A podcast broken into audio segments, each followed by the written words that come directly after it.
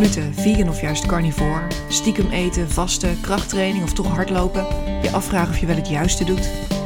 Eten doen we allemaal en toch is het ingewikkeld geworden. Helemaal als je voelt dat je niet helemaal op het juiste spoor zit. Maar hoe vind je die? Waar moet je op letten als je wilt eten op een manier die beter bij je lijf en je leven past? Als je meer wilt ontspannen en genieten? Je luistert naar de Beter Eten podcast. Mijn naam is Charlotte Cederel en in deze podcast deel ik mijn eigen ervaring in gesprek met experts en ervaringsdeskundigen. Leuk dat je erbij bent.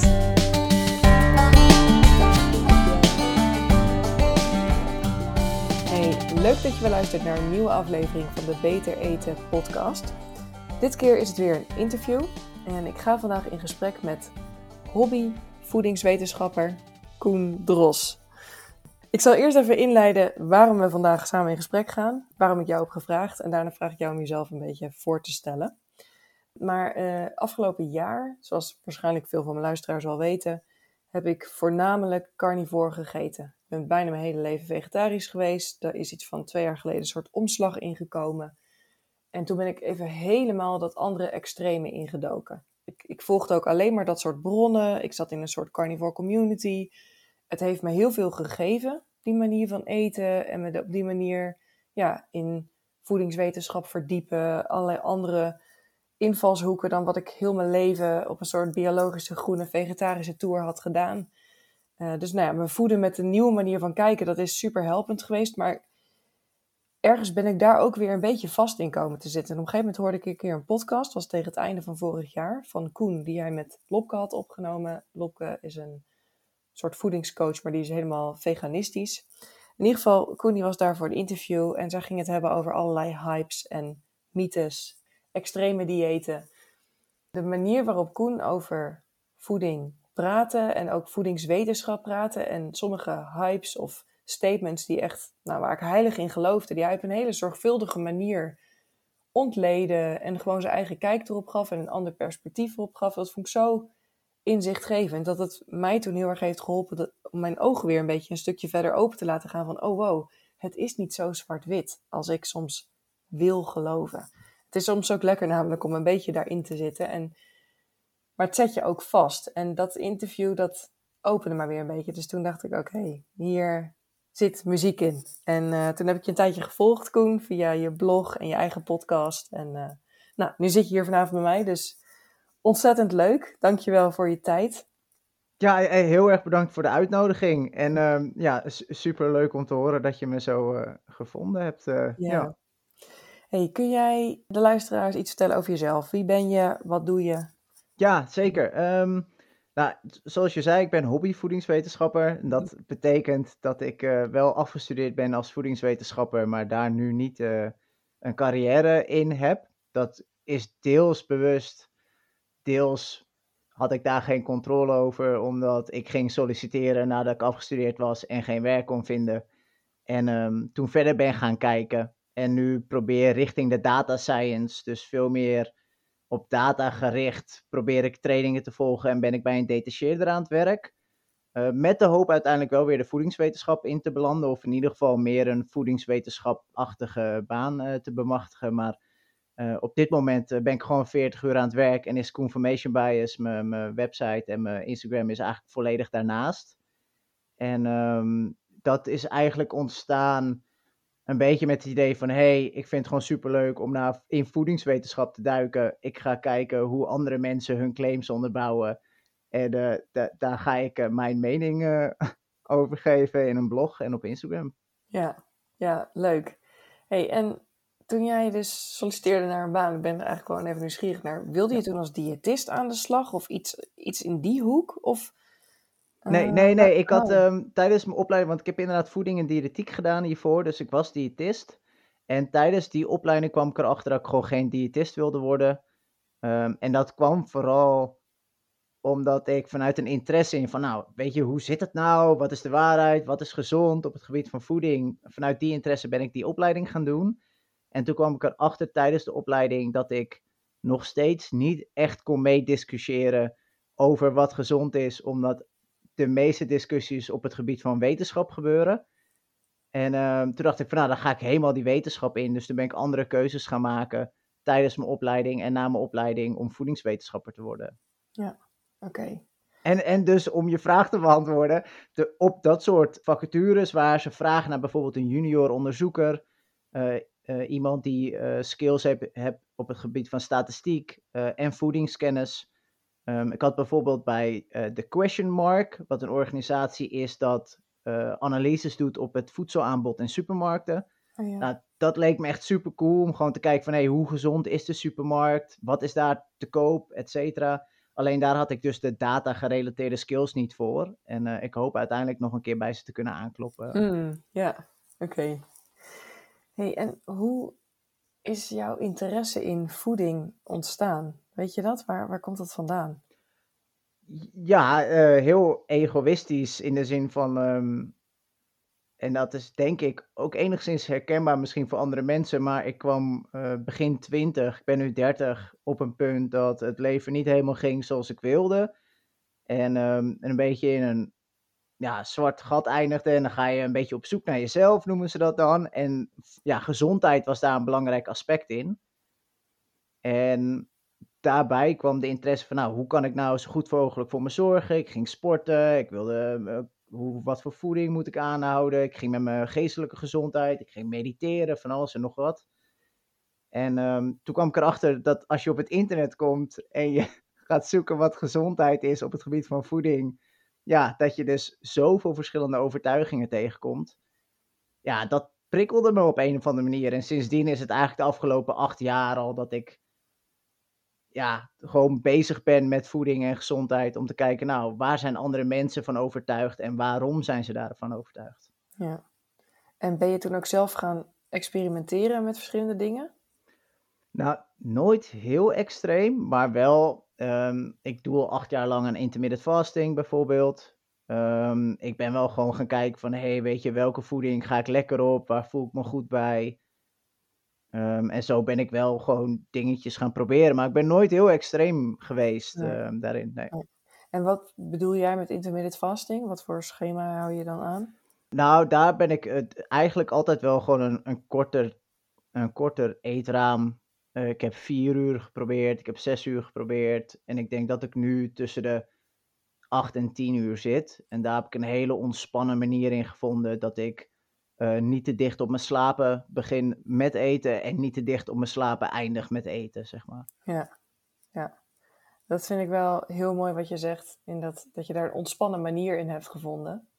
Als ik naar mijn eigen reis met voeding kijk en ook veel mensen om me heen die hier heel erg mee bezig zijn, is best een zoektocht soms, als je daar de nadruk heel erg op hebt liggen. En ook een soort zoektocht van goed en fout. Weet je wel, wat, wat is nou goed, wat is nou fout, Ja. wat moet ik doen?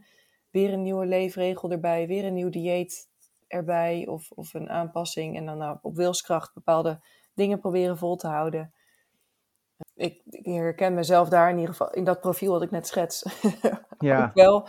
ja, En het, ik merk dat het echt mijn ja, verlangen en ook wel mijn ontwikkeling is om daar gewoon steeds ontspannender juist mee om te gaan. En ook steeds meer in een soort balans uit te komen. En ook niet een goed of fout, maar meer, oh ja, wat, wat, wat voelt nou goed, zeg maar. ja. Eh, Ja. Dus ja, dat vond ik wel eh, mooi hoe je dat omschrijft. Ja, en dat Ja. kan ik me heel goed voorstellen, want ik denk dat dat, en dat betreft is voeding ook zoveel meer dan, zeg maar, wat je eet. Het is zoveel hoe mensen zich voelen, hoe je omgaat met dingen in het leven, hoe je gewoon tussen je oren ook eh, in elkaar zit. En dat betreft zie ik mezelf op dat gebied ook helemaal niet als voorbeeld, omdat ik, eh, ik heb geen gezondheidsklachten, ik, ik heb nergens last van, ik kan eten wat ik wil, ik, ik, dat betreft zie ik me ook helemaal niet als iemand, en dat doe ik dus ook helemaal niet, bijvoorbeeld op Instagram, van hey, ik heb het uitgevonden, je moet leven zoals ik leef, want ik snap precies hoe het zit. Dat, daar Ja. probeer ik eh, zo ver mogelijk vanaf te blijven. Ja, oké. Maar heb je een beetje het idee dat je weet hoe het zit? Voor jezelf?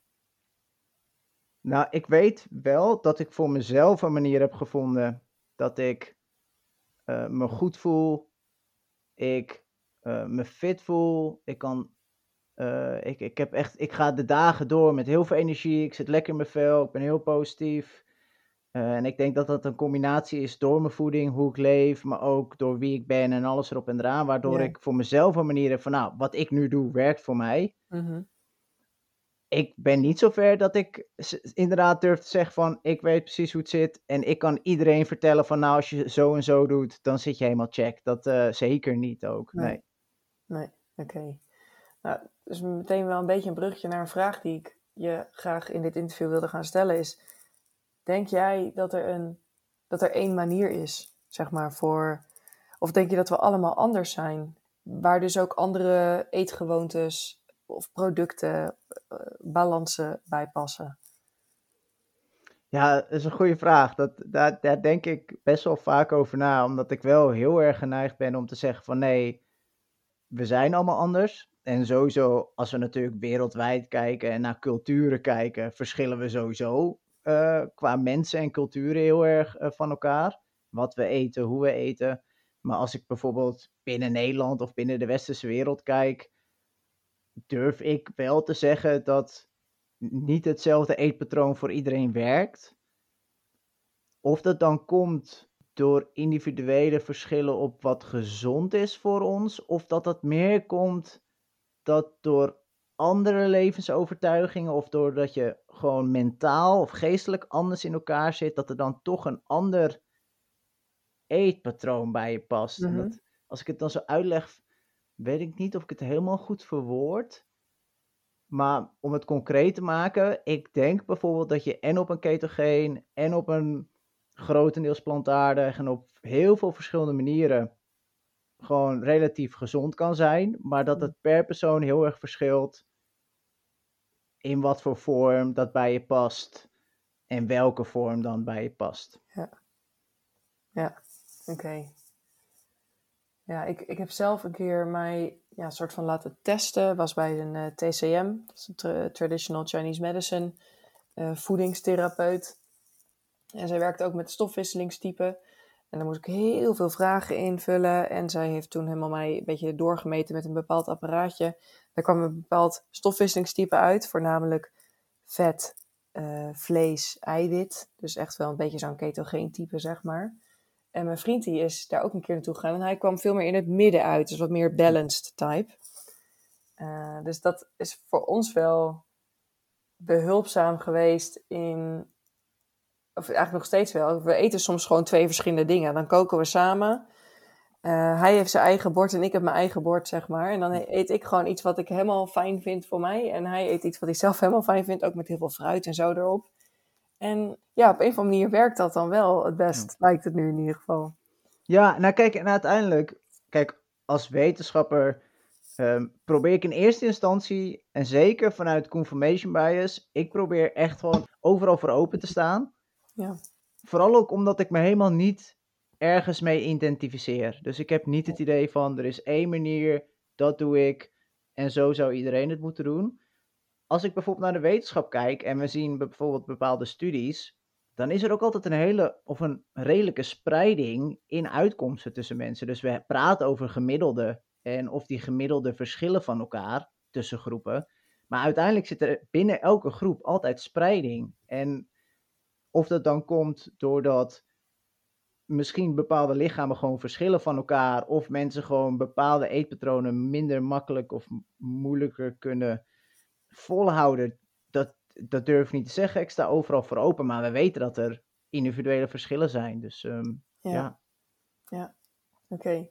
Hey, en jij had net over dat je een bepaalde manier hebt ontwikkeld die voor jou gewoon, ja, waardoor je je goed voelt, zeg maar.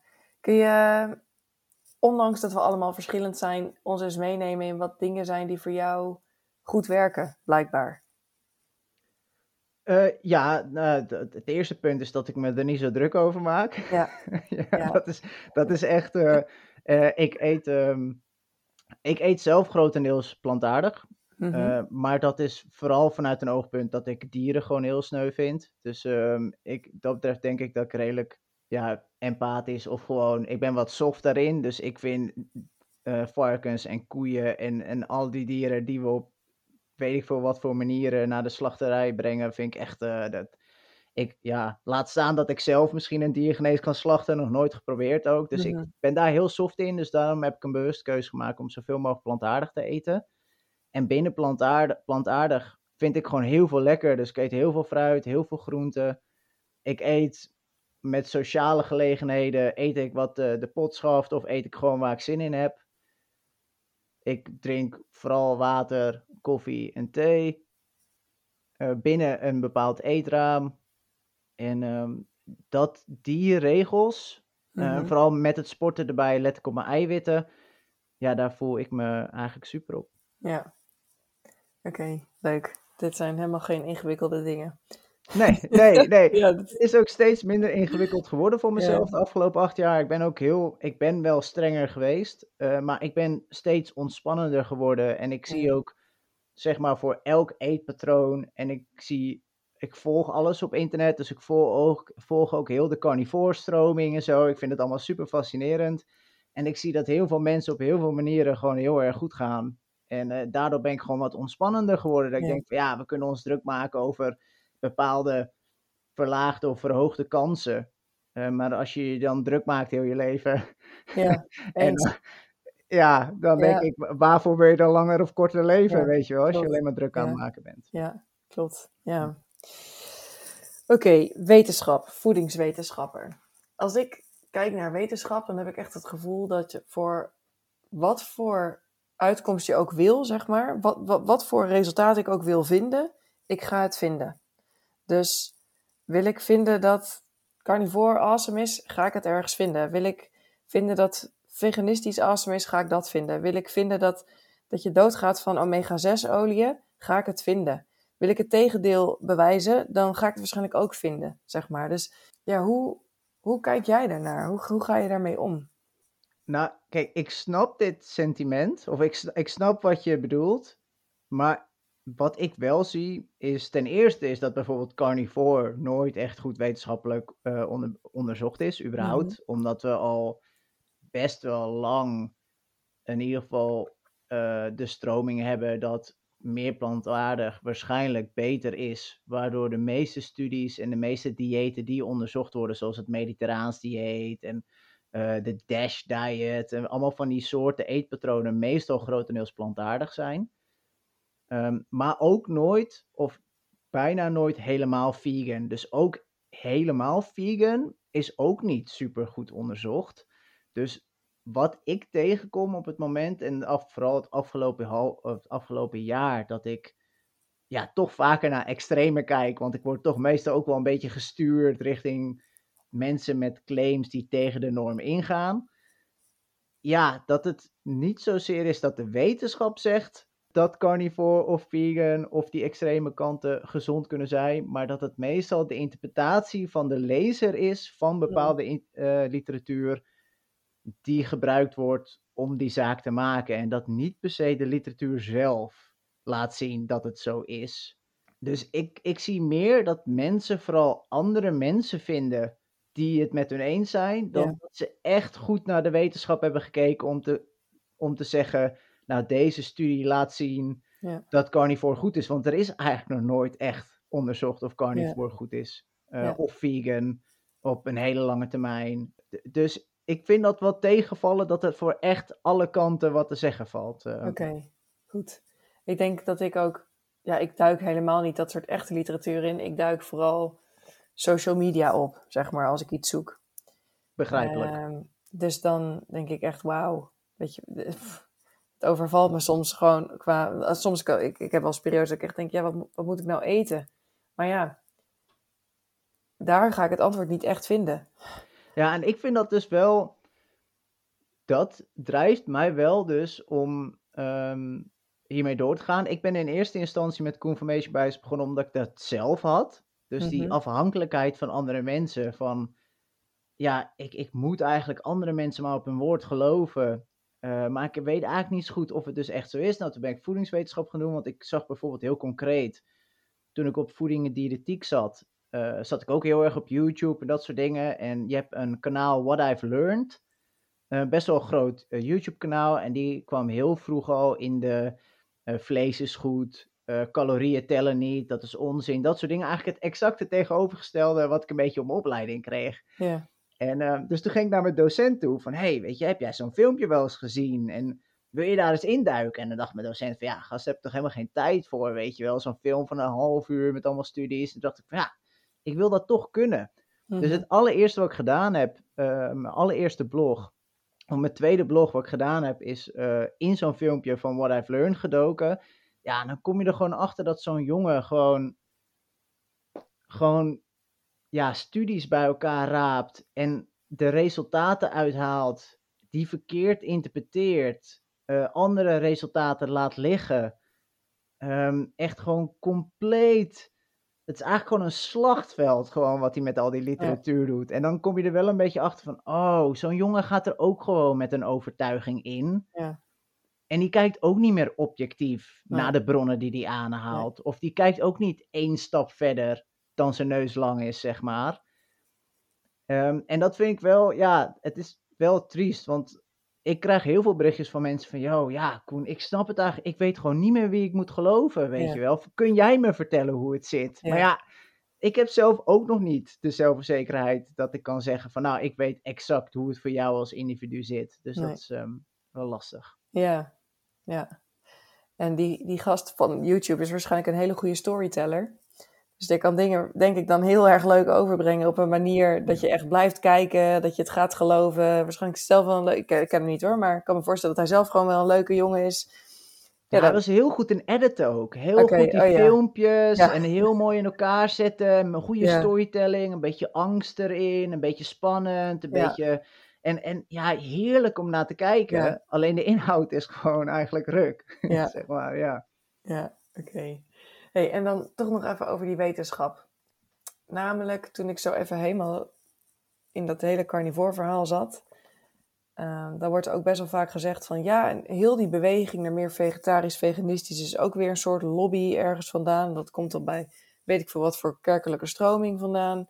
Al die studies die bewijzen dat soja gezond is, wordt gefinancierd door deze en deze en deze grote voedselproducenten die toevallig ongeveer alleen maar soja produceren.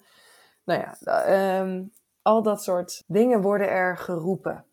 En ik weet niet, ik, ik denk, ik, ga, ik roep dat niet mee, want ja, ik weet het ook niet, zeg maar. Alleen soms denk ik wel eens, goh, wat, wat kan ik dan geloven eigenlijk, zeg maar? Ik weet niet, hoe, hoe kijk jij ernaar? Nou, ik ben wel wat op dat punt gedraaid. Toen ik begon aan eh, vorig jaar, toen had ik daar ook nog nooit echt heel veel over nagedacht. Ondanks dat ik me heel erg bewust ben van het feit dat er heel veel belangen zijn. Het fascinerende vind ik altijd alleen dat aan beide kanten van het spectrum dat geroepen wordt. Dus Mhm. eh, iemand die veganistisch eet zal roepen dat het door de vleesindustrie gesponsord wordt en andersom. En dus dat vind ik altijd fascinerend om Ja. te zien. En ik probeer dus ook echt een beetje die helikopter te houden. Dat ik, ik zit niet in wat voor kamp dan ook. Ik vind het gewoon interessant om te zien wat voor argumenten mensen aanhalen. Eh, dat zie je bijvoorbeeld ook met we moeten terug naar de natuur. En dan zegt de een ja, we aten vlees en de ander zegt we aten vooral plant. Dus dat wordt ook gebruikt zo. Maar over belangen, het is zeker zo dat zeker grotere bedrijven, eh big food, hoe je ze ook wil noemen, Ja, ehm, invloed hebben uitgeoefend op wetenschap, op voedingswetenschap. En vooral ook in het sturen van welke vragen er gesteld worden. Mhm.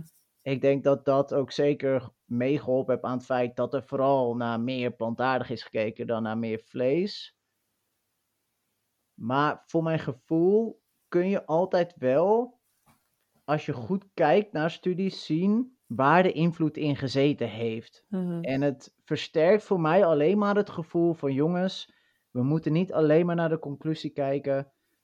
We moeten verder kijken dan de samenvatting. We moeten echt even begrijpen van welke vraag is er gesteld, hoe is het onderzocht, wat zijn de resultaten en hoe interpreteren we dat. ja, En dat, ja, dat filtert toch al een hoop. Maar ja, uiteindelijk, ik ben ook maar een dude die voedingswetenschap interessant vindt. Mhm. Ik heb zeker niet. Ik, ik kan niet met 100% zekerheid zeggen dat het niet allemaal doorgestoken kaart is. Weet je, Ja, ja, ik ik bedoel, ja. ja, lastig. Ja, nou ja, en ik denk, uh, tenminste dat merk ik in mezelf, hoe lang ik daarover nadenk of hoe meer ik het uit informatie wil halen, zeg maar, uit wetenschappelijke studies, uit wat anderen hebben gezegd, hoe meer ik ook vanuit mijn hoofd ga beslissen wat ik dan ga eten, wanneer bijvoorbeeld. En um, ik heb absoluut superveel geleerd van dingen die andere mensen zeiden of dingen die andere mensen hebben onderzocht. En tegelijkertijd is er soms ook gewoon zoiets als mijn gevoel. En ik snap ook dat dat weer uh, discutabel is, want ja, ik weet niet, soms heb je trek, maar stel voor je doet intermittent fasting, dan weet je gewoon, oh ja, ik ga het nu gewoon inderdaad eventjes niet eten. Dus dat, je, dat daar ook waarde in zit. Ja. Maar um, nou ja, hoe, hoe, meer ik mij vul met informatie, um, hoe meer ik soms ook wel bij mijn gevoel vandaan ga, zeg maar. Dus, uh... ja. Nou, wat ik wel, kijk, ik, ik, ik, ik zit dan heel erg in voedingswetenschap, maar als ik kijk naar mijn eigen keuzes die ik maak, doe ik dat niet allemaal als wetenschapper of zo. Het is niet dat ik voor elke keuze die ik maak rationeel nadenk, uh, waarom wel, waarom niet. Ja. Ik heb van heel veel, wat jij ook een beetje aangaf, ik heb van heel veel stromingen, heel veel mensen, heb ik eigenlijk dingetjes weggeplukt. Dat ik denk van nou, dat past wel bij me, dat past niet bij me, dat past wel bij me. En daar heb ik een soort van eigen manier van gemaakt. En het is dat ik het dan soms een, een naam moet geven en dan noem ik mezelf flexitariër, omdat ik gewoon kies wanneer ik wil dat ik vlees eet en of niet eet en wel eet of bepaalde producten wel of niet. Um, eigenlijk het enige advies wat ik aan mensen geef op mijn Instagram is van nou, probeer zoveel mogelijk sterk bewerkt eten te vermijden. Mhm. Nou, dan weten we allemaal intuïtief wel een beetje welk eten ik bedoel in de supermarkt. En verder heb ik ook gewoon maar een beetje bij elkaar geschraapt uh, van iedereen hier en daar. Wat voor mij goed voelt uiteindelijk, want daar komt het wel op neer, ja. ja. Oké, leuk. Ik vind het echt heel uh, fijn en verfrissend om te horen, zeg maar, hoe ja. Uh, ontspannen je erin zit. Want, I don't know, al die filmpjes en podcasts en kanalen over hoe je zou moeten eten, um, schetsen soms een beeld dat er één manier is. En uh, ja, I don't know, dat het drinken van koffie echt levensbedreigend is. Of, of juist weer helemaal niet en zo, weet je wel. Dus uh, ja, en juist uh, het jezelf toestaan dat het een soort ontdekkingsreis mag zijn. Uh, dat je dingen kunt proberen, dat het niet al te strikt hoeft te zijn en zo. Dat, nou ja, voelt voor mij ja. als de weg die ik wil lopen. Ja, en ik vind wel, kijk, als ik het dan zo vertel, dan denk ik van, nou, denk ik ook bij mezelf, ja, Koen, je hebt makkelijk praten, want je hebt geen gezondheidsproblemen en je hebt nergens last van. En ik bedoel, dus ik, ik zie het ook niet nogmaals mezelf als een advies naar een ander of een mhm. voorbeeld. Ja. Ehm, maar ik heb soms inderdaad wel het idee als ik dan zo kijk naar ook Twitter en YouTube en zo, hoe het er dan aan toe gaat, hoe mensen ook met elkaar omgaan als het over voeding en gezondheid gaat, dat ik echt denk van ja, waar, waar zijn mensen mee bezig, weet je wel? Ik bedoel, come on, we kunnen toch het ook soort van niet eens met elkaar zijn. Ik vind het heerlijk om het niet eens te zijn met iemand, of als iemand het niet eens is met mij. Het zijn superleuke gesprekken om te hebben, zolang je gewoon vriendelijk blijft tegen elkaar. En, um, en ja, we hebben het uiteindelijk in de wetenschap altijd over kansen. Uh, en dat wordt ook nog wel eens vergeten. Dus we hebben het over, nou, als je dit eet, dan verhoogt dat de kans op dit. En als je dit doet, dan verlaagt dat de kans op dit. Dat is altijd nog een kans. Dus je mag als persoon heb je het recht om keuzes te maken die misschien aan de ene kant ergens de kans op iets verlagen of verhogen. En uh, met de rest van je leven proberen andere dingen te doen wat het verhoogt of verlaagt. En ik heb het idee dat mensen soms zo hangen aan. Ja, maar dit is slecht voor je. Terwijl ze eigenlijk niet goed nadenken over wat slecht betekent. Want als slecht betekent dat het de kans op iets verhoogt, kun je ook gewoon andere dingen doen die de kansen verlagen. En het hangt nooit aan één ding vast, zeg maar, je mhm. gezondheid. Je gezondheid is nooit het resultaat van één iets. Um, en, en, en toch gaat het op YouTube en zo vaak wel over één ding wat slecht is voor je. Of mhm. over, ja, dus ja. Ja, klopt. Oké, nou even dit wetende, dus dat het nooit van één voedingsmiddel afhangt, dat het uh, met heel veel meer te maken heeft, dat het ook heel met, met stress en, en je mm. zorgen maken en relaties, uh, emoties, weet je, al die dingen te maken heeft, zou ik het toch leuk vinden om even een aantal dingen met je langs te lopen, om te kijken wat jouw kijk daar dan op is. En als, jij, als jouw kijk daarop is, ja, hangt er vanaf, of uh, weet ik ook niet, natuurlijk ook helemaal goed, maar en sommige dingen zullen we even aanstippen en daar heb je zelf dan echt super uitgebreide blog over geschreven of podcast over opgenomen. Uh, dan verwijzen we daar ook lekker naar als mensen bijvoorbeeld helemaal erin willen duiken. Want dat, we hoeven nu niet drie kwartier over één voedingsmiddel te hebben. Geen goed plan. maar um, nou, om één pikante, uh, daar even in ieder geval mee te beginnen, zaadolieën. Ja. Uh, hoe, hoe ga jij daar zelf mee om? Wat is jouw kijk daarop? Nou, dat is wel een van de onderwerpen die ik het meest behandeld heb. Mhm. Omdat het ook een heel fascinerend onderwerp is. Uh, heel polariserend wat dat betreft. Tot nu toe heb ik echt geprobeerd mensen die, um, nou ja, echt in het, dat noem ik dan het plantkwaadaardig team zitten. Dus echt anti-plantaardige oliën en vooral de hoog in omega-6 vetzuren eh, plantaardige oliën, de zaadolieën. Ben ik nooit echt overtuigd door hun, uh, door hun bronnen wat ik eruit heb gehaald nu uiteindelijk is dat uh, waarschijnlijk het lang verhitten van die olie inderdaad zorgt voor schadelijke stoffen. Dus dan komt het erop neer dat uh, frituren toch niet zo goed blijkt voor je. Al wisten we dat natuurlijk gewoon al. Mhm. Dus ja, ik zou zeggen, probeer niet te vaak te frituren. Uh, overigens heb ik ook studies gezien die dan uh, bijvoorbeeld dierlijk vet gebruiken, dus met verzadigd vet. En dan zie je inderdaad niet zoveel schade als met plantaardige olie, maar ook dan zie je bijvoorbeeld uh, oxidatieve stress op de, de vaten en dat soort dingen. Dus frituren zal gewoon nooit gezond zijn, wat voor olie je dan ook gebruikt. Daarnaast zie ik vooral dat plantaardige olie en zaadolie vooral in bewerkte voeding zitten. En een hoge inname van bewerkte voeding zorgt ervoor dat je heel veel van die bewerkte oliën binnenkrijgt. En die bewerkte oliën, daar zit gewoon helemaal niks meer in. Dus geen vitamines meer, geen mineralen meer.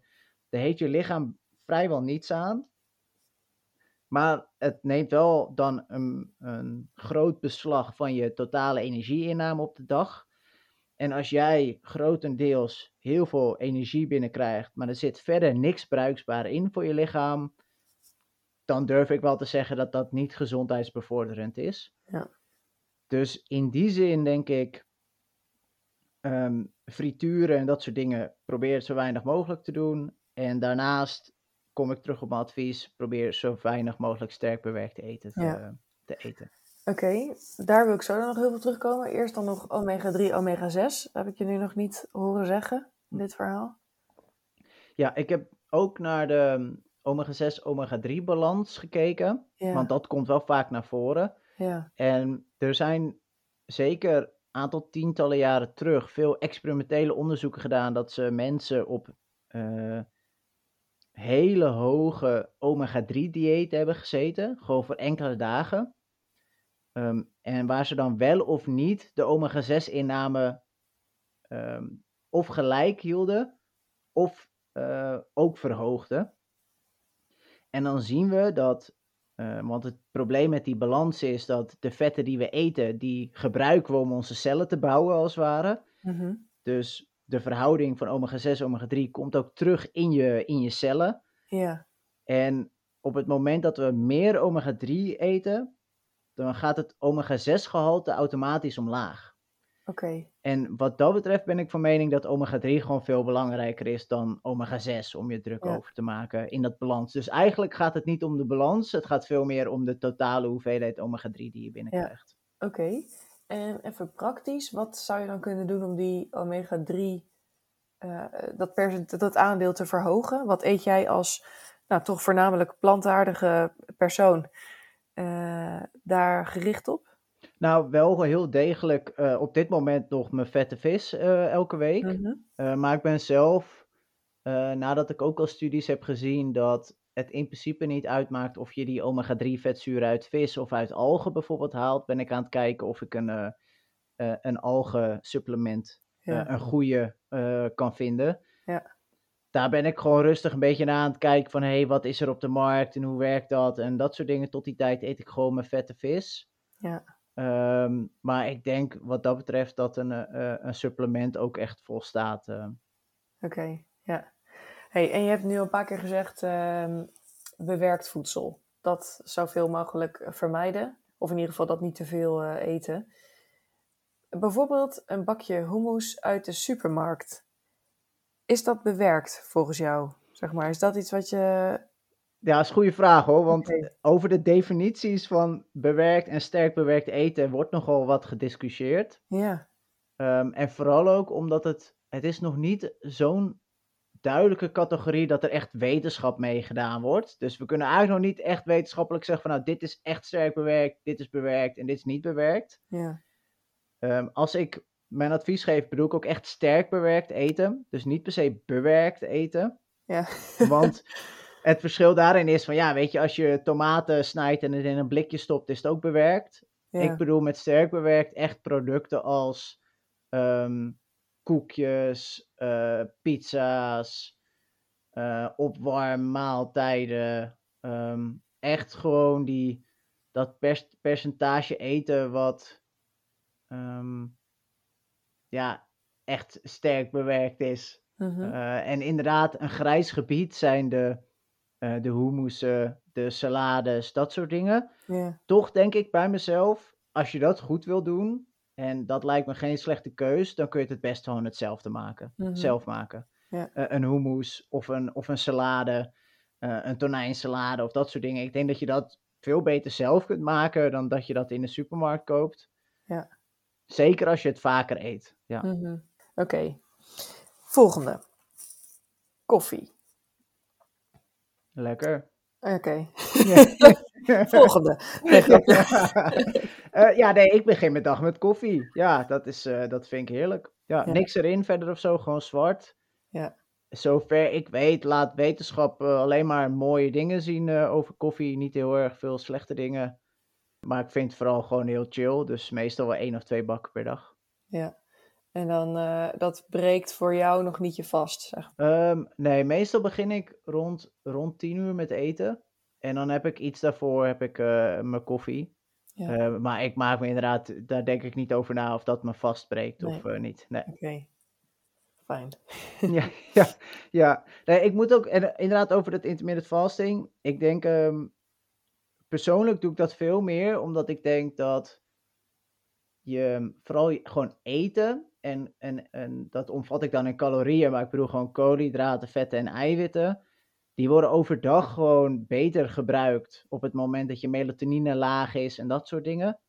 En ik doe het veel meer daarvoor dan voor het vaste gedeelte. Mhm. Omdat ik nog niet heb gezien in de literatuur dat het vaste gedeelte echt voordelen heeft. Maar Oké. vooral dat het eten op de dag en niet te dicht op het slapen, dat dat voordelen heeft. Oké, dus dat hele autofagie-verhaal, dat, dat, daar ben je nog niet zo van overtuigd. Zeker niet. Nee, nee. Nee. Ten eerste omdat een grote drijver van autofagie is een energietekort. En ze hebben eigenlijk nog niet uit elkaar kunnen halen dat op het moment dat je gaat vasten, als je bijvoorbeeld het over de week spreidt, want dat is belangrijk, want misschien op, het, op een moment is je autofagie hoger, maar je wil natuurlijk eigenlijk aan het eind van de week weten, heb ik nou meer autofagie of minder gehad deze week? Dan, is het, dan weten we nog niet of je door op je energieinname te letten, dat beter is voor autofagie dan op een moment gewoon niet te eten met vasten. Dat hebben ze nog niet uit elkaar kunnen halen. Er zijn nu wel steeds meer studies die ernaar proberen te kijken. Mhm. Um, maar dat is voor mij wat betreft nog echt verre van zeker of dat voor mensen geldt. In muizen hebben we dat al veel meer gezien. Maar muizen hebben en een veel sneller metabolisme. Nou ja, vooral een veel sneller metabolisme. Waardoor je dat soort dingen denk ik niet zo goed kan vertalen naar mensen één op één. Oké, ja, oké. Dat, dat, dat is voor mij wel een beetje een gevoelig onderwerp. Ik heb vroeger best wel veel gevast. Maar dat was meer omdat ik dan gewoon niet wilde eten. En omdat ik dan wilde afvallen.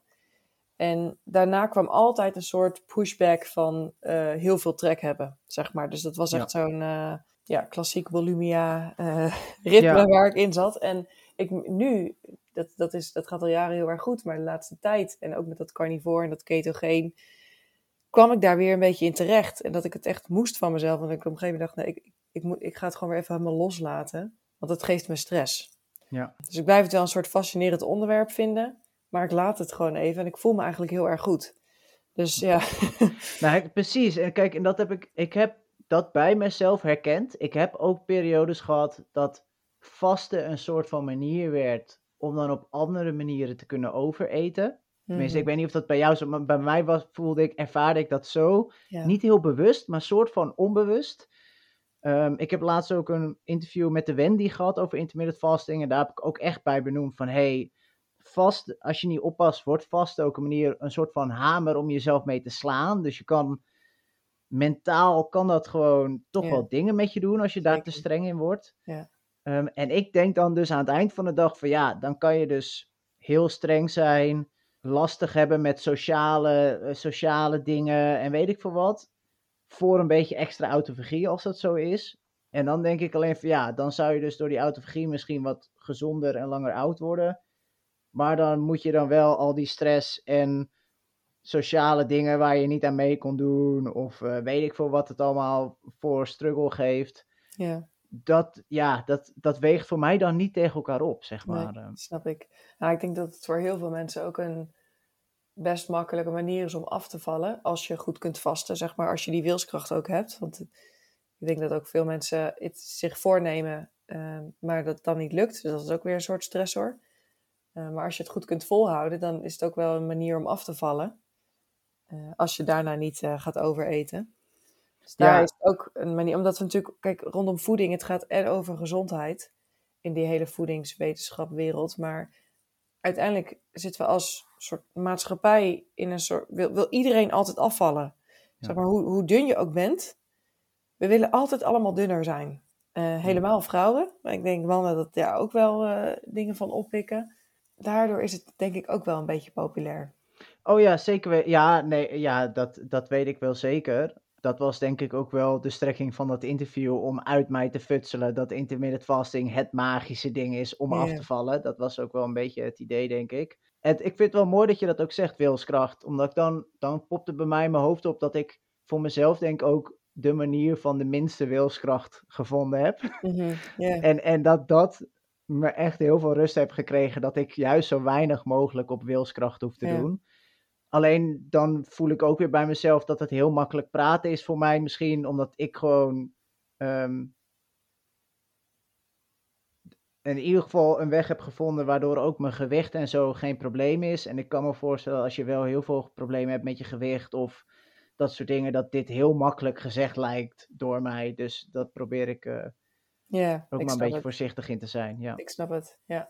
Dat is ook een interessant... Ja, als ik jou hoor praten over... Je hebt een, een makkelijke weg gevonden, denk ik... Ja, volgens mij mag het ook best makkelijk gaan. Volgens mij mag het makkelijk zijn.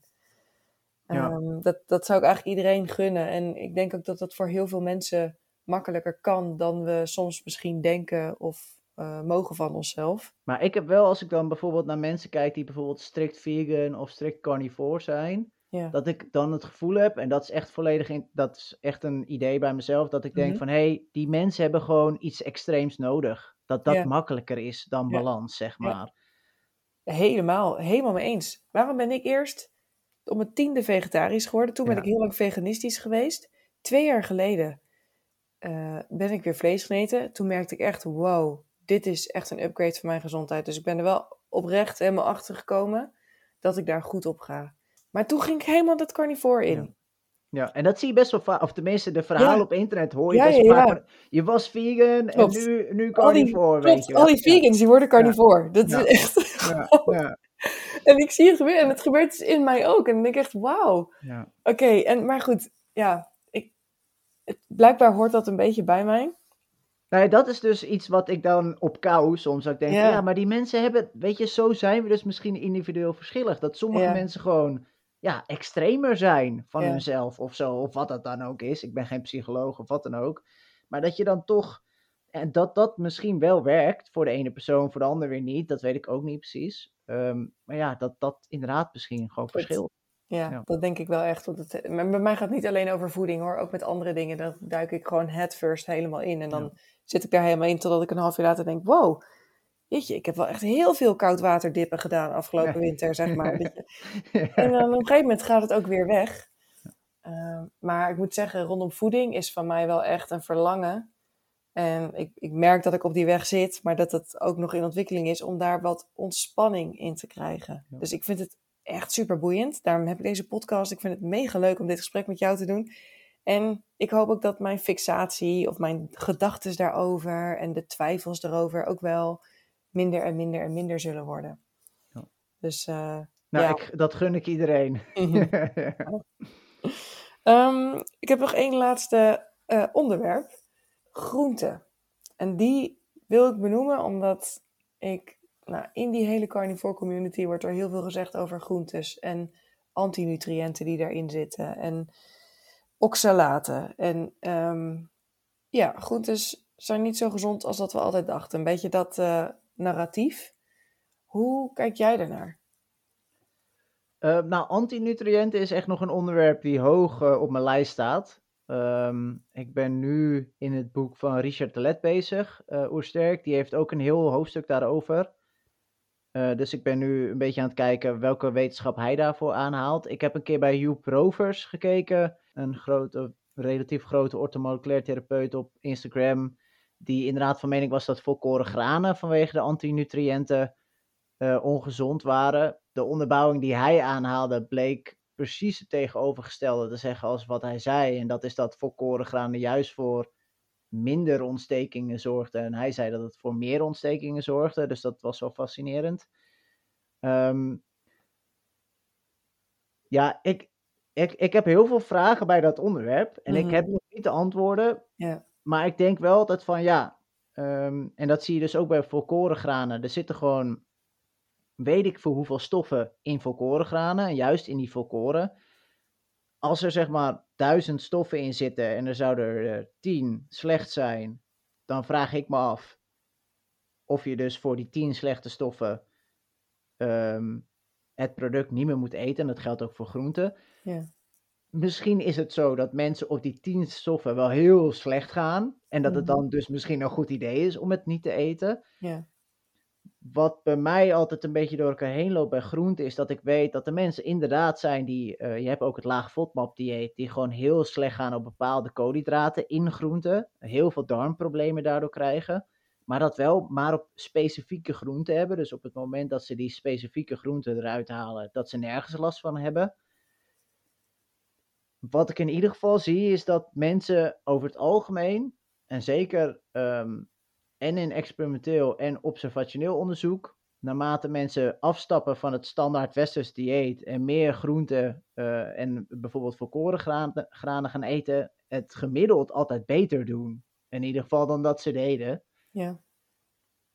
Dus ja, nog geen uh, absoluut antwoord daarop. Ik ben nog heel nieuwsgierig namelijk naar wetenschap die daarvoor is. Dus ik ben daar nog heel open naar aan het kijken. Ik sta daar nog voor open om te zeggen, nou ja, weet je, dat hele verhaal van een plant kan niet wegrennen. Dus die maakt soort van, heeft eiwitten en mechanismen om zichzelf te verdedigen. Mhm. Is een heel leuk verhaal, maar ik, dat betreft ben ik gestopt met geloven in verhalen, want dat is, uh, daar heb je er genoeg van. Ja. Uh, maar dat is een onderwerp waar ik in ieder geval nog mee bezig ben. Uh, want heb, heb jij daar een stellige mening over? Of? Nee, behalve dat toen ik, de, toen, ik, toen ik dat verhaal dus hoorde van mensen die ik was gaan geloven, um, toen ging mijn, zeg maar, je, hebt een, je zit in een soort paradigma en dat werd echt even 180 graden omgedraaid. Dus dat ja. schudde mijn wereld gewoon. Ik, ik heb, ja, ik ben, ik zal in mijn claims nooit ik zal nooit claims maken eigenlijk überhaupt over voeding. Want ik, I don't know, zeg maar. Ik heb echt geen idee. Ik, ik vind groenten gewoon best wel lekker. En toen echt sinds een, sinds een paar maanden dus dat ik, dat ik dat weer eet. Ja, ik geniet er gewoon heel erg van. Ja, ja ik ook. En dan denk ik van, goh, ik, ik, hou, ik heb bijvoorbeeld vanavond witlof gegeten. Dat vind ik echt mega lekker. en dan denk ik, oh ja, maar eigenlijk is het me wel waard. Ook al is het misschien zitten er oxalaten in of zoiets. Ja, ik weet niet, uh, het voelt fijn in me. Ja, en, ik, en dat vind ik ook zo belangrijk. En daarnaast dus ook om terug te komen op dat zwart-wit goed-slecht. Er is denk ik geen één product waar zeg maar um, het is allemaal een beetje goed en slecht. Dus Mhm. als je bijvoorbeeld kijkt met vlees eten, de, ehm, de consensus is niet dat op het moment dat je vlees eet, dat je dood neervalt en allerlei ziektes krijgt. Eh, het is vooral bij het overmaat eten van bijvoorbeeld bewerkt vlees, dat we op de lange termijn, ergens aan het einde van het leven, zien dat er bepaalde kansen verhogen. Ja. Eh, bijvoorbeeld met darmkanker. Aan de andere kant kan je zeggen, ja, maar vlees is wel heel nutriëntrijk. Dus misschien in bepaalde fases van het leven en dat soort dingen kan het wel heel veel stoffen leveren, waardoor het Mhm. heel erg goed voor je is. En het idee dat een product altijd heel je leven lang goed is en één product altijd heel je, lang leven, eh, heel je leven lang slecht is, ja, vind ik veel te makkelijk gedacht. Dus in Ja. die zin denk ik, probeer vooral te kijken hoe je erbij voelt en wat je eruit haalt. En als dat een stukje plezier is en rust en ontspanning en het is lekker, dan denk ik, dan kan je je inderdaad heel druk maken over lectines die erin zitten of Mhm. dat soort dingen. Maar ja, ik denk dat we ons soms problemen laten aanpraten die, die er helemaal niet waren of zo, Mhm. zeg maar. Wat voeding heel fascinerend maakt, eh, dat betreft. Ja, klopt. Ja. Ehm, toch nog één extra laatste onderwerp. Want we hebben net heel eventjes over granen gehad. Die kwamen ter sprake. Bij, en daar wil ik je ook nog één ding over vragen. Want ik kom ook wel eens een soort angst voor gluten tegen. Heb jij daar ideeën over? Ehm, Is dat meer, kun je er tegen, ja of nee? Ja, ik, ik vind dat. Ik, eh, het is een onderwerp waar ik geen verstand van heb en nog geen duik in gedaan heb. Ja. Wat ik wel kan zeggen is dat. En dat komt eigenlijk een beetje op, ook op de antinutriënten neer. Dus ik zie gewoon heel veel experimentele onderzoeken. waarbij ze mensen overzetten op een volkoren granen, peulvruchten. Ehm, mager vlees eh, dieet. En dat ze het en op het gebied van diabetes en overgewicht en dat soort dingen allemaal beter doen. Ja. Eh, toch geloof ik echt wel inderdaad dat er individuele verschillen in kunnen zitten. En dat sommige mensen er misschien gewoon gevoeliger voor zijn dan anderen. Of dat bijvoorbeeld je door een bepaalde leefstijl slechtere darmen hebt, waardoor je Mhm. het minder ver- eh, verdraagt. Ik denk dat dat gewoon zou kunnen. En, en daarom heb ik ook altijd zoiets van, als individu is er ruimte om binnen de richtlijnen te kijken wat past er wel bij me en wat niet. Waar gaan mijn darmen lekker op en wat niet. Ja.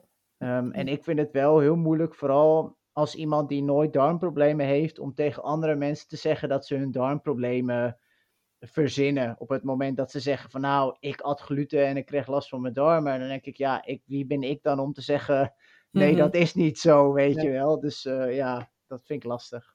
Ja, oké. Ik heb zelf gedaan, op een gegeven moment toen ik hier een beetje indook, dacht ik, oh shit, ik kan echt geen, ik moet helemaal geen gluten meer eten. Het was ook het advies wat ik kreeg van die TCM-therapeut. Maar nu ik eventjes een tijdje weer helemaal zonder regels ben en ik eet af en toe brood, ik heb er helemaal geen last van. Dus dan denk ik ook, Ja. oh ja, misschien hoef ik daar ook niet zo bang voor te zijn. Ja, ja, kijk, en ik denk dat een hele mooie manier is, want uiteindelijk is het wel zo, als je dingen helemaal elimineert ehm, en dan bijvoorbeeld rustig terugbrengt, dit is geen advies trouwens, want dat kun je Mhm. beter onder begeleiding doen, maar dat is wel een manier om te checken van, heb ik hier echt last van Ja, of niet? En dat is natuurlijk, en die vraag krijg ik vaak van, een beetje die tweestrijd tussen de praktijk en Mhm. wetenschap, is dat mensen vaak heel veel verschillende dingen doen, een effect zien en het dan scharen op één ding wat ze deden, terwijl je natuurlijk heel veel dingen doet. En in de wetenschap proberen we juist dat een beetje uit te pluizen van, hey, we doen één groep, laten we dit doen, en een andere groep dit, en dan veranderen we één ding om te kijken of dat het is. En ja, mensen vergeten nog wel eens, denk ik, hoeveel verschillende factoren er zijn die invloed hebben op hoe je je voelt. Ja. En dan trekken we nog wel eens verbanden tussen dingen die misschien helemaal niet verbonden zijn met elkaar.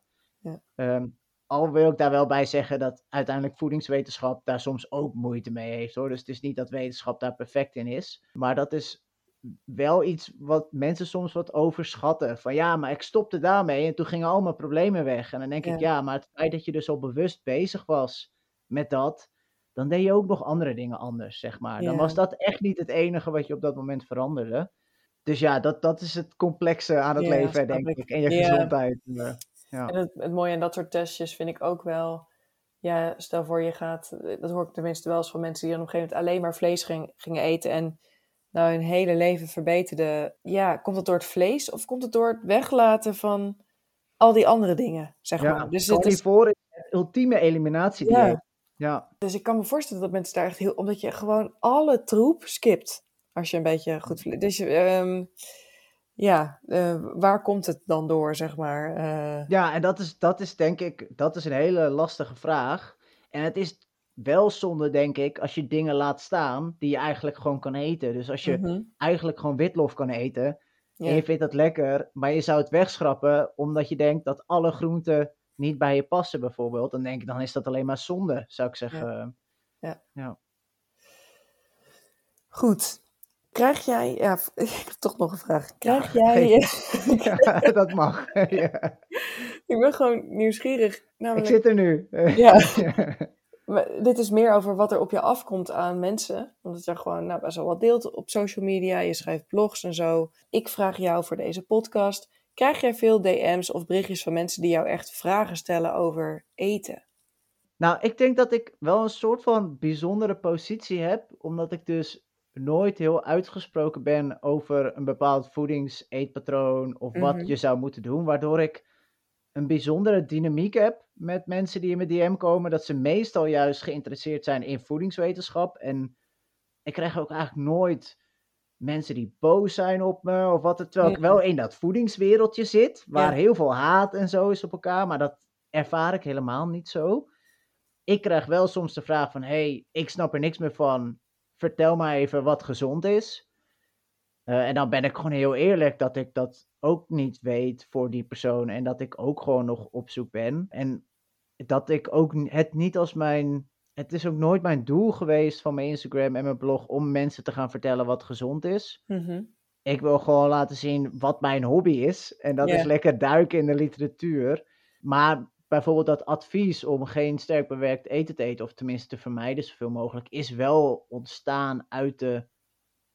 uit dat ik steeds vragen krijg ook van: hey, wat is dan wel gezond? Ja. En het, het liefst zou ik mensen daar een antwoord in willen geven. Maar ik voel het ook niet als mijn. ehm, mijn ik, ik vind het ook heel knap dat mensen zo zelfverzekerd zijn van zichzelf daarin. Als ik naar andere mensen kijk die op Ja. internet zitten en die vertellen: Dit is slecht voor je voor dit. En die hebben op alles een antwoord. Dan zie ik therapeuten en coaches die op alle vragen die ze krijgen antwoorden hebben. Gewoon: Is dit gezond? Ja, want dit en dat. Is dit slecht? Ja, want dit en dit. En dan denk ik: Ik vind het gewoon ik vind het ongeloofwaardig dat je gewoon alles Mhm. weet, zeg maar. Maar.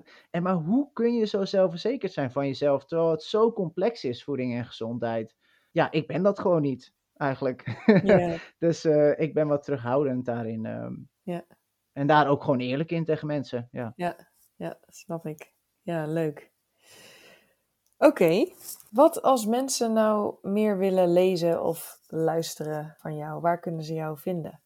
Ja, nou, ten eerste op mijn website, eh Mhm. confirmationbias.nl. Dus eh, dat is van confirmation bias, eh, Mhm. maar dan met mijn naam erin. Ja. En eh, zo heet mijn Instagram ook. Ik heb eh, een podcast, maar dat is in feite eigenlijk dat ik mijn blogs ook voorlees. Eh, mijn blogs kunnen een eh, flinke, flinke pil zijn. Ik heb ook respect voor iedereen die dat leuk vindt en, eh, eh, om te lezen en daar doorheen komt. Eh, maar ik, ik lees ze ook voor voor mensen die het in ieder geval willen luisteren. Eh, en op Instagram probeer ik eh, het allemaal wat hapbaarder en wat kleiner en wat ehm, eh, dat soort dingen te houden. Want hoe was het voor jou om een blog te lezen? Was dat te doen? Ehm, nee, het eerlijke antwoord is dat ik hem luister. Oké, ja. dat Ik ben niet luister, zo. Ja, ik, ik luister dus jouw podcast. En Ja. dat, dat vind ik heerlijk. Die luister ik af. Ja. En dat is eigenlijk geen enkel probleem. Dat lezen, dat is net iets minder mijn medium. Dus dat kost me dan iets meer moeite. En omdat ik iets minder geïnteresseerd ben in hoe het precies zit. Ik ben denk ik iets praktischer eh, georiënteerd. Ja, ga ik dat soort dingen niet helemaal uitpluizen. Maar ik vind het luisteren. Ik, ik kan dus soms wel van, oh, wat, wat moet ik nou? Moet ik nou wel of geen zaadolie? Dan ga ik dus eventjes, dan, Ja. zo kom ik dan bijvoorbeeld op zo'n podcast van jou Ja. of zo'n gesprek. Ja, precies hoor. Want dat is ook de reden dat ik het ook inspreek. Omdat ik me heel goed kan voorstellen dat mensen dus geen 20 minuten de tijd Ja. hebben. Of, of eh 25 minuten om zo'n hele blog te lezen. Dus, maar zo probeer ik het eigenlijk voor iedereen een beetje toegankelijk, eh, zo toegankelijk mogelijk te maken in ieder geval. Ja, ja leuk. En, eh, ja, en wat ik ook wel leuk vind, is dat je grote namen durft te onderzoeken. Zeg maar, het, het zit hem helemaal niet in de naam. Of het nou Richard de Let is of een of andere Ludidi die heel erg groot is geworden met zijn vaste methode. Of eh, Janneke van der Meulen. Ja, je gaat gewoon echt het onderzoek aan en het gesprek ook aan. Ja. Eh, Ja, het voelt voor mij ook dus niet als durven, omdat het echt vanuit interesse is dat ik, ehm, dat ik ergens induik. Dus het is echt gewoon oprecht benieuwd zijn naar waar iemand het op baseert. En als een Richard de Let een mening heeft die tegen mijn overtuiging ingaat, maar hij haalt heel goed bewijs aan, dan, dan ben ik alleen maar super enthousiast, want dan heb ik weer wat nieuws geleerd. ja. Ehm, het was wel allemaal wat teleur- teleurstellend tot nu toe. maar, eh, maar ja, dus het voelt voor mij dat betreft ook niet als durven, maar meer gewoon interesse hebben eh, in mensen die heel overtuigd zijn van zichzelf. Want dat is het vooral. Ik ben gefascineerd door het feit dat mensen in dit landschap toch zo overtuigd zijn van zichzelf. En dan denk ik van, nou, dan zou je wel heel goed bewijs hebben.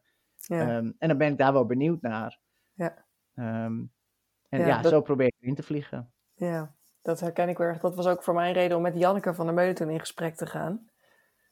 Wat Ja, vind ik leuk dat je het aanhaalt. Ja, want zo ben ik, zo heb ik eh, voor het eerst ben ik jou tegengekomen. die Ah, toen, podcast. eh, oké. Oh, grappig. Ja. Want hoe heb jij dat ervaren, dat gesprek? Ehm, ik was wel... Ik, vond het superleuk om dat met haar te doen. Dat sowieso. Ik merkte wel dat ik een beetje omvergeblazen... Ik voelde me een beetje omvergeblazen door haar enthousiasme en haar stelligheid. En omdat ik gewoon zelf die stelligheid niet heb... Ik denk, nou, ik doe maar wat. Ja, en hoe het dan precies zit. Om dan echt met iemand de discussie aan te gaan op detailniveau en ja, met goede tegenargumenten te komen, dat, daar, daar ben ik niet. Nee. En zo ben ik denk ik ook niet. En, en zij is iets meer op die tour. Dus in dat opzicht vond ik het heel leuk om met haar het gesprek aan te gaan daarover. En ik, was, ik voelde me een beetje omvergeblazen. Ja. En ik heb daarna, omdat zij dus dat ook op haar following heeft, ge- met haar following had gedeeld. En eh, toen heb ik best wel veel heftige mailtjes gekregen van luisteraars van haar over hoe ik toch vlees kon eten en dat soort dingen. Oh ja. Dus ja. Oh, dat vond ik, was voor mij een soort Ja. nieuwe wereld ook die openging. Want ik heb tot nu toe, terwijl ik best een extreem dieet heb gevolgd, helemaal daar niks mee te maken gehad. Maar toen, Ja. en dus ik denk toch, zij is wat extreem. Dus ze zal ook een soort wat extremer publiek hebben. Ja. Ehm, ja, dat weet ik wel zeker. Of tenminste, weet ik wel zeker. Eh, dat zullen van het, de mensen die inderdaad haar dieet ook volgen, zullen hele fanatieke eh, veganisten zijn. Om het zo. Ik vind het een beetje raar om mensen zo eh, te bestempelen. Maar, eh, ehm, maar inderdaad, ja, ik heb dat geluisterd en ik had dus dat. Ik vond het heel fascinerend om dus iemand die, om twee mensen die in de extreme van het spectrum zitten, wel een heel fijn gesprek met elkaar te hebben. Dus dat was heel leuk om naar te luisteren. Ehm, maar ik merkte wel dat zij een boek geschreven heeft over het onderwerp en jij niet. Klopt. Over jouw onderwerp. Ja, dat, dat merkte hij heel erg. Dus zij zit natuurlijk heel erg in die stof. Nou, nu ben ik vorige week bij haar op de podcast geweest, Hmm. omdat ik een blog over haar eh, boek had geschreven. eh, waar ik toch wel eh, redelijk kritisch in was. En zij heeft me uiteindelijk nu uitgenodigd. Dus ik heb ehm, op mijn manier mijn best gedaan om tegen haar stelligheid, mijn stelligheid in te kunnen brengen. Dus eh, dat, dat was in ieder geval wel interessant om Leuk. te doen. eh. Oh ja, wat cool. Ik ben heel benieuwd naar die aflevering. Ja, het is een flinke pil van twee uur geworden. Dus eh, ja, ja, ja, ik ben heel benieuwd wat het, hoe dat resultaat, Ja. resultaat is. Leuk. Ja. Hey Koen, ontzettend bedankt voor je tijd en ja, je open verhaal en ook je, hoe je mij inspireert in ieder geval om daar nog ontspannender mee om te gaan. Ja, dat is alleen maar leuk om te horen, weet je wel. Ja. Want ja, ik ben hier ook maar aan begonnen vorig jaar. En ehm, Mhm. dit is ook allemaal nieuw voor mij. En ik vind, ik vind het alleen maar echt super tof dat mensen zo positief reageren op wat ik vertel en zo. En soms denk ik ook van ja, ik ben ook maar gewoon een gast die zijn mening heeft en eh, dat eh, het internet opgooit. Ja, Ehm, maar het is alleen maar leuk om eh, ja, dat, deze gesprekken ook te hebben. Superleuk. Ja, eens. Goed.